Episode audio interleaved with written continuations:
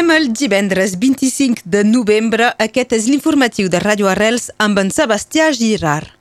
Bon dia. Un nou poder pel Vall de Perpinyà que ara pot decidir del tancament administratiu de comerços i bars, una competència que li acaba de delegar al prefecte dels Pirineus Orientals. Fins al pròxim mes de febrer, Louis Alliot pot pronunciar en nom de l'Estat el tancament administratiu dels comerços bàsicament per motius de desordre públic, una eina que el Vall d'extrema dreta de Perpinyà ha utilitzat principalment fins ara per fer tancar botigues de queviures nocturns.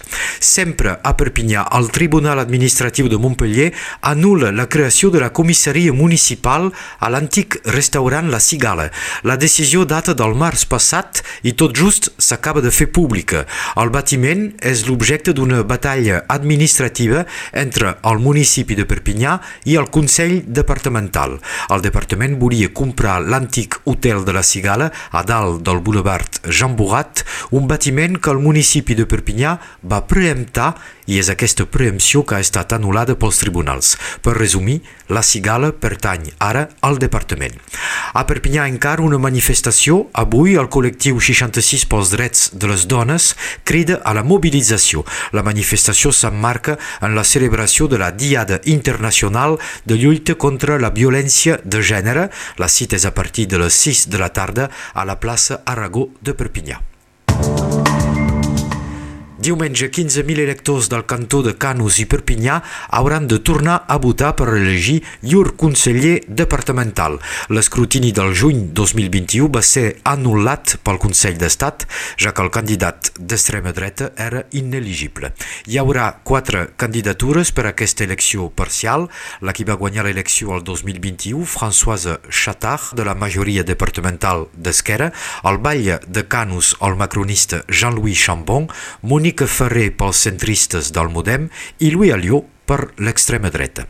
L'aigua raja pas més de l'aixeta a Vilafranca de Conflent, un problema degut a una bretxa a la canalització principal que alimenta la totalitat de les cases. Els veïns de Vilafranca veuen aigua d'ampolles mentre els tècnics miren de localitzar la bretxa per poder intervenir. Una manifestació que farà soroll. Els motoristes enfadats criden a desfilar en moto pels carrers de Perpinyà demà dissabte.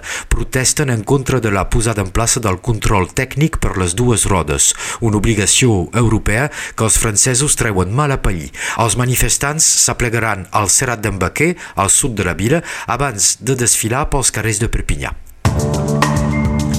L'USAP rep demà dissabte l'UBB, Unió Bordeus-Becle, un rival complicat. I veieu el primer partit pels dos nous jugadors, Brad Shields i Ali Crossdale, que podrien debutar a M. Giral. El partit començarà a les 3 de la tarda i el podreu seguir en directe a Radio Arels gràcies al patrocini de la Plataforma per la Llengua.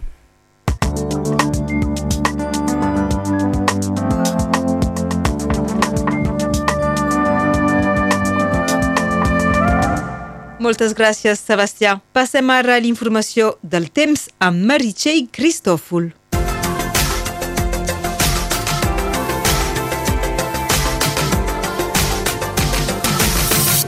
Bon dia.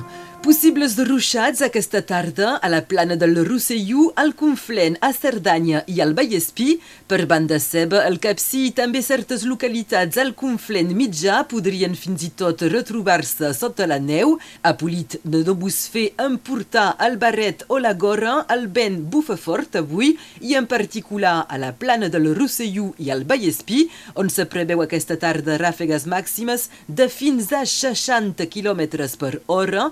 Les temperatures continuen baixant, 13 graus a la capital, Cameles, Sant Nazari, Colliure i Salses, 10 als Banys, 8 a Nuedes, 5 graus a Caldegues, 4 a Mentet i 3 graus a Puigbalador. Aquesta tarda el sol se pondrà a les 5 hores i 18 minuts. Avui celebrem Sant Elm Erasme i Santa Caterina i acabem amb el refrany del dia per Santa Caterina, el mal temps s'aproxima. Proxima.